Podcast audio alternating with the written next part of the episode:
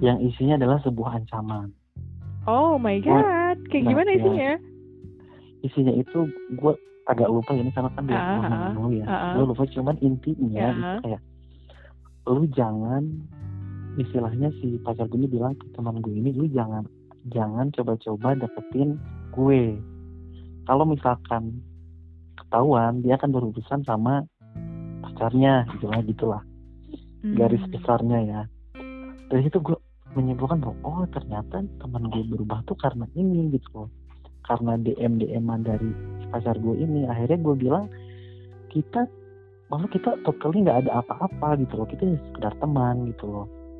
Hmm, tidak sangat ada disayangkan. hal-hal Heeh, nah jadi nah yang bikin gue kesel dia itu selalu menyimpulkan sesuatu eh, berdasarkan penglihatan dia sendiri gitu tanpa dia cross check dulu tanya dulu ini apa kenapa gitu Hmm. tiba-tiba dia menyimpulkan oke ini anu ini anu itu itu yang bikin gue kayak istilahnya kurang komunikasi lah ya bisa dikatakan seperti itu Berarti di situ lo udah mulai gak nyaman dong ya? nah di situ gue mulai Hmm. mulai nggak nyaman nih Hmm. itu baru satu hal nih itu Oh baru my god, yang ada berapa hal nih? Oke, terus terus. Oke, nah dari situ selesai, oke, ya udahlah. Eh, gue pun, nah salahnya gue, Hmm. gue tidak mau konfirmasi ke teman gue ini nih, karena ya gue pikir ya udahlah, maksudnya Ya mau udahlah gimana gitu gitu ya. ya. Hmm. Eh, ya udahlah gitu, oke selesai. Gitu. Hmm. Dan ketika kita ketemu di kampusnya ya udah gitu biasa aja, kita nggak pernah tegur sapa kayak biasa. Hmm. Memang nggak bersaling tegur sapa gitu. Hmm. Dengan ya karena terbiasa ya udah gitu, gue tidak memulai sebuah pembicaraan atau apa sama teman gue ini gitu. Hmm.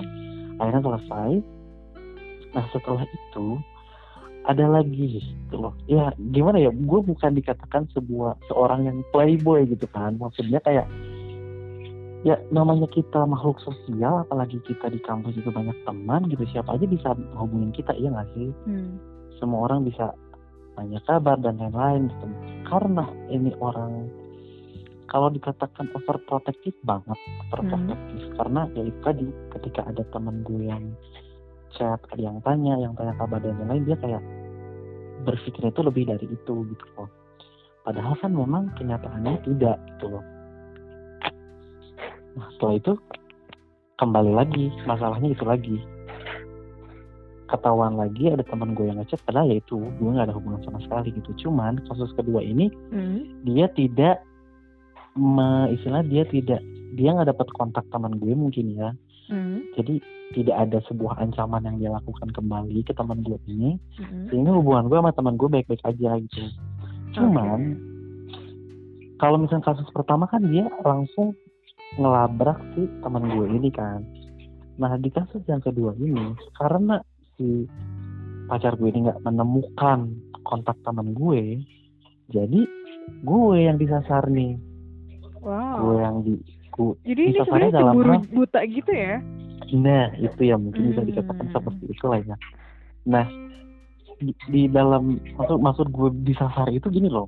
Hmm. Jadi dia itu menutup semua akses yang biasanya gue pakai, misalnya kayak kontak WhatsApp dan lain-lain. Hmm. Misalnya dia menghapus kontak-kontak yang dia pikir ini agak-agak eh, ada ada apa ya? Something lah disebutnya? sama lo ya. Something gitu lah. Hmm, eh. Oke. Jadi dia lu bayangin kontak teman-teman gue dihapus-hapusin Hmm. itu teman gue gitu loh sampai kayak gue mikir ini gue gimana komunikasi gitu loh Oh my god. sampai sampai suatu suatu hari di mana teman gue ketika dia chat karena kan di. WhatsApp itu kadang bisa diatur ya kalau misalnya nomornya nggak kita save fotonya nggak keluar dong Hmm. sampai ketika dia ngechat gue gue tanya ini siapa karena ya nom- nomornya nggak gue save gitu loh sampai si teman gue lah emang lu nge-save nomor gue Temen lo sampai marah dong ya? iya temen gue Ah. sampai tanda tanya gitu Hmm. kok lu nggak nge-save nomor gue gitu padahal kan di sini bukan salah gue gitu memang nomor-nomor yang Wow, pacar Menurut lo pacar udah kayak gurita Nah, ya, udah masuk. lo nih. nah udah masuk ke ranah-ranah pribadi Oke, gue gitu Oke. loh Hmm. oke dan itu masih mending Itu masih mending. gue Oh my god. Berarti ada yang lebih kejam lagi nih. ada Oke. itu masih mending kontak-kontak gue dihapusin Oke. setelah kontak gue dihapus ya hapus dan blok lah sama aja gitu tanpa sepengetahuan gue WhatsApp gue disadap Oh. ada kan yang WhatsApp web itu kan Iya iya iya. eh, jadi dia menyadap kontak WhatsApp gue jadi dia akan tahu chat-chat apa yang masuk ke gue gitu event itu mau dari keluarga mau dari semuanya gitu loh semua yang orang-orang chat gue yang namanya chat kan berarti itu privasi ya nggak sih betul. personal chat gitu loh Betul. semua orang bisa mengatakan apa pun ketika kita chat gitu loh Mm. nah jadi nah gue itu belum ngeh karena gue itu selama gue kuliah gue Mm. gue belum pernah memasukkan kon apa WhatsApp web gue ke laptop gue Mm. jadi gue nggak pernah tahu dong bahwa si WhatsApp web gue ini udah dipakai gitu udah disadap Mm. ngehnya itu gue ngehnya itu ketika gue lagi di kampus gue mau presentasi bahannya itu di WhatsApp ini gue nggak bawa flash disk nah akhirnya oke gue masuk ke WhatsApp web nah, di komputer di kelas gitu gue mas gue klik WhatsApp web nah pas ketika gue masuk loh kok udah ada yang login ya? nih Hmm. nah heeh.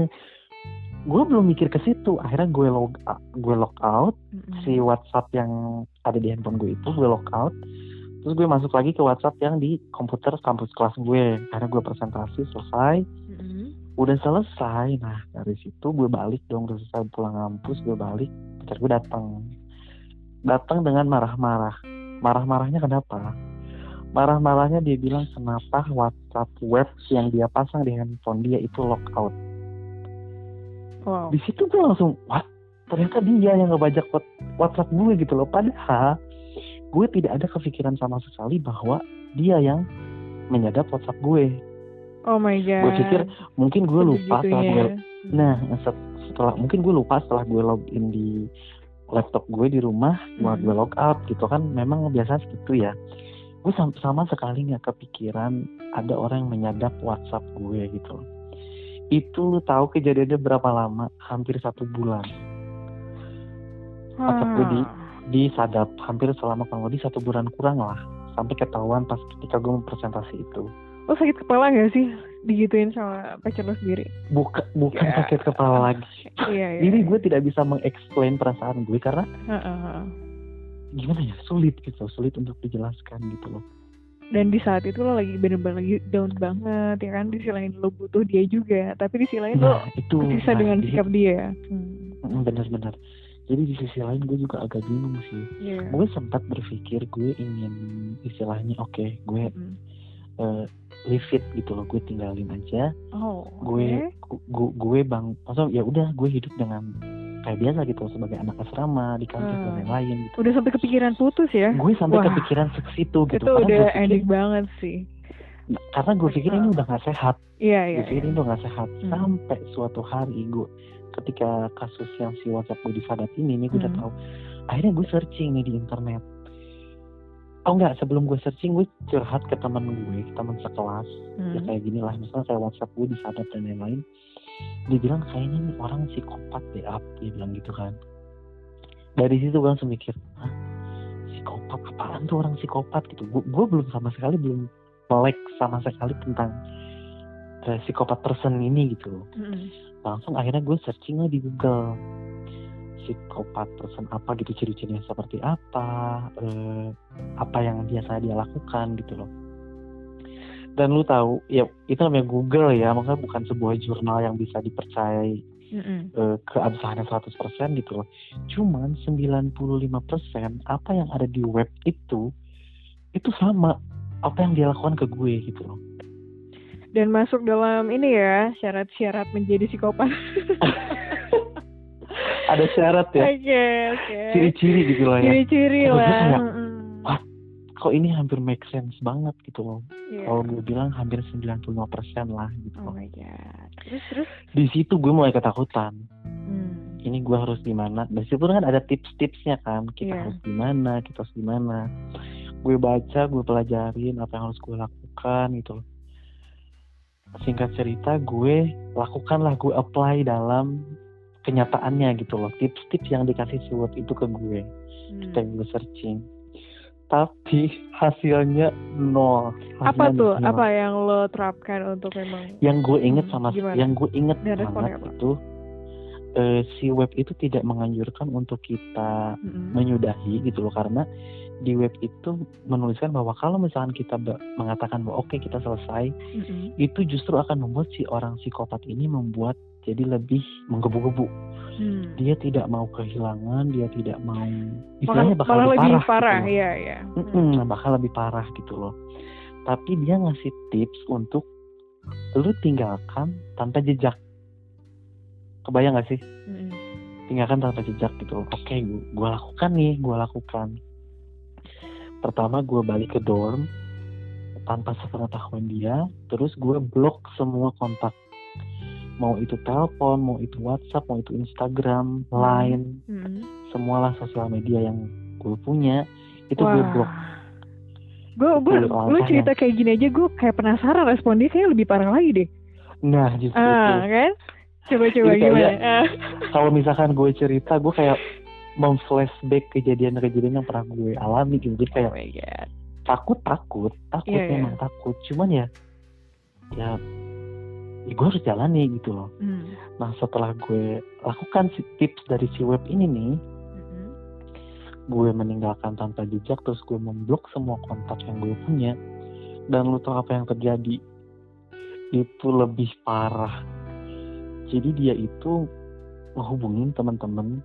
Karena kan memang dia nggak nggak save kontak teman-teman gue kan. Mm. cuman dia tahu Instagram teman-teman yang sering nongkrong sama gue. Hmm. jadi dia dia nggak follow cuma dia tahu gitu lah. Kebetulan kontak eh akun Instagram teman-teman gue ini nggak di privacy gitu. Jadi dia bisa lihat kapan aja. Yang namanya teman gue gitu seharian bareng gue dia instastory dan lain-lain kelihatan dong ada gue gitu. Loh ya nggak sih? Hmm. nah jadi dan kebetulan si teman gue ini yang dia stalk itu adalah teman sekamar gue waktu di asrama Hmm. Nah akhirnya suatu hari ketika teman gue bikin instastory kelihatan lah ada gue. Nah dari situ dia DM lah si teman gue ini. Untungnya si teman gue ini langsung bilang ke gue, Ap, ini ada yang DM gue, nanyain lu kayak gini gini gini gini. Gue lihat dong DM-nya. Dia cuma menanyakan aja gitu loh. gak dibalas tuh berapa hari nggak dibalas dibalas. Nah ujung-ujungnya dia itu jadi mengganggu teman gue. Wow, teror ya. jadi neror Hmm. eh, jadi ke neror teman gue gitu loh.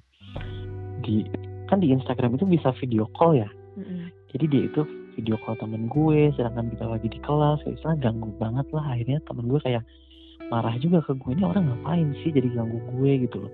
Lu kalau ada masalah beresin bukan gini caranya dia bilang akhirnya gue bilang lah ke teman gue oke ini orang ya gue cerita lah dari A sampai Z akhirnya dijawab lah gue bilang oke lu jawab aja tuh DM gue bilang gitu kan karena misalnya biar selesai gitu loh gue pikir dengan menjawab sebuah DM itu semuanya akan selesai gitu saya bakal stop Tapi Ap, sebelumnya lu ini gak uh, mungkin lo mencoba untuk ngomong sama dia baik-baik gitu?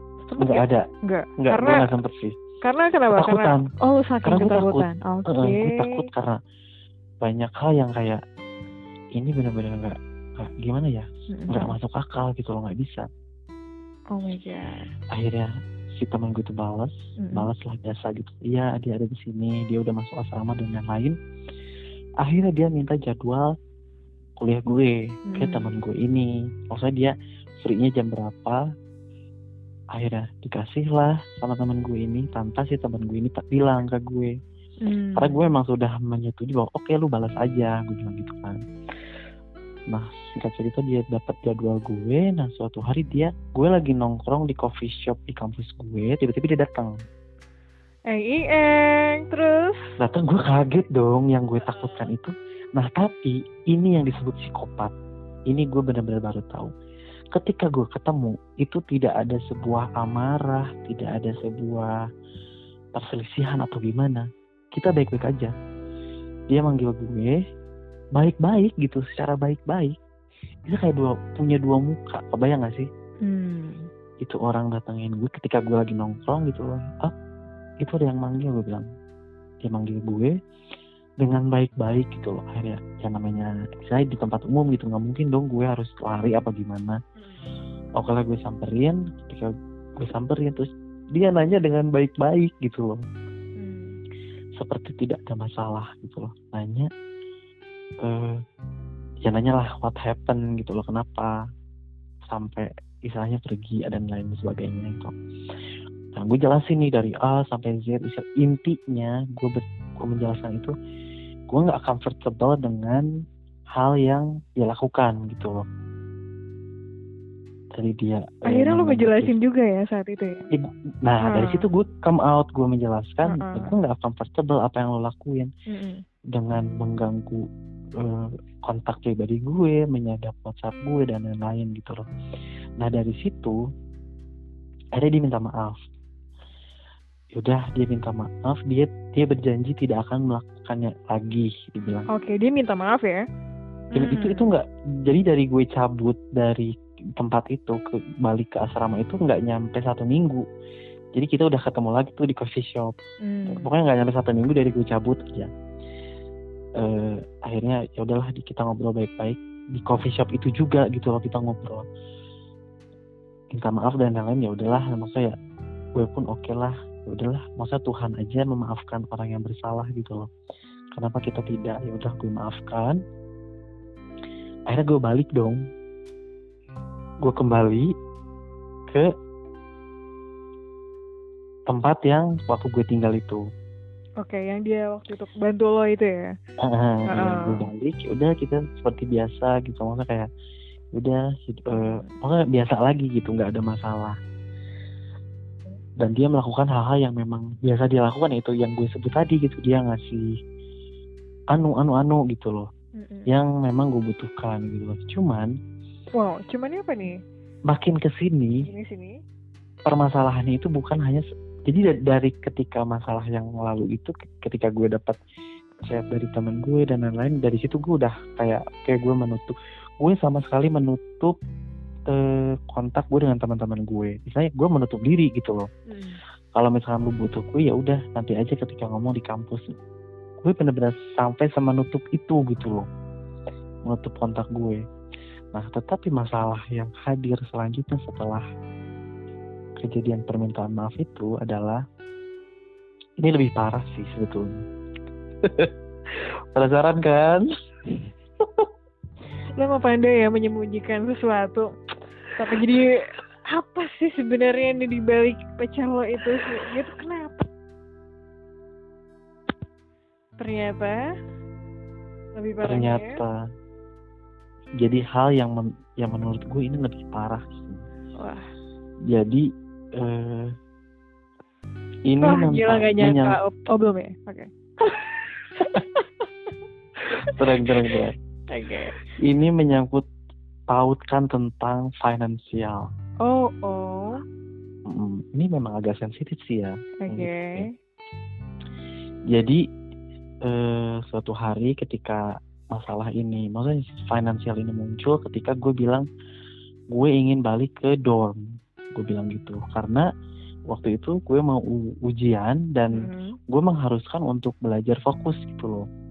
Dan salah satu caranya adalah ke, gue harus kembali ke asrama. Mm-hmm. ya ya udah gitu. Kita masa kayak yang namanya di asrama kan kita bisa belajar bareng-bareng sama temen gitu loh. Mm-hmm. lebih nempel lah gitu loh Nah dari situ gue diizinkan, oke gue balik. Nah tapi saking gue enjoynya, jadi gue lupa gitu loh. Gue nggak balik. Jadi gue stay di situ.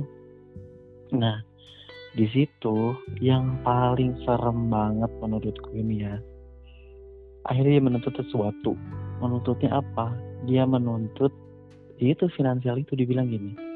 Kalau misalkan, oke okay, kalau misalnya lu mau kaya gitu, udah sekarang gue minta lu balikin semua yang pernah gue kasih. Jahat banget up. itu gila nggak? Gila banget. Nah di situ mungkin juga gue gue juga istilahnya lagi emosi gitu istilahnya gini loh gue lagi ujian dan hmm. ini malah ngebahas hal-hal kayak gini gitu loh. Coba dong open mind gitu. Gue tuh di sini belajar bukan yang aneh-aneh gitu. Hmm. nah saking gue emosi gue bilang gini ya udah kalau misalnya lu maunya kayak gitu lu hitung lah. Hitung tuh berapa pengeluaran yang pernah dia dikasih ke gue gitu. Oh lu jawab gitu ini, ya uh, karena mungkin uh. gue juga udah emosi sih di situ. Nah ini tuh kejadiannya sekitar udah mau satu tahun sekitar 11 bulan kurang lah. Mm. karena gue inget banget itu satu tahun itu di bulan Mei deh kalau nggak salah bulan depan ya nah yang sangat nggak gue eh, predictable banget nih yang unpredictable ketika gue udah jawab oke ya udah lu hitungin berapa yang pernah gue pakai yang pernah lo kasih Mm. dan lu terbayang nggak jawabannya apa Apa? bayangan gue sih ya ketika itu dia jawabnya itu hanya sebuah ancaman gitu loh untuk lu bisa kembali lagi Pikiran lo gitu. Eh, eh, pikiran gue kayak gitu ini sebuah Ternyata. ancaman biar biar gue biar ternyata yang dia jawab apa gue bener-bener kaget ketika baca chatnya itu gue harus benar-benar mengganti uang itu dan lu tahu perhitungannya berapa Berapa? 36 juta gila gak gila ini bener-bener gue nggak dibuat-buat Oh my god. gue gue sendiri pun sampai kayak what ini Oh my god. dari oh my mana god. gitu? Hitungannya dari mana gitu loh kayak gue bertanya balik dong ini hitungannya dari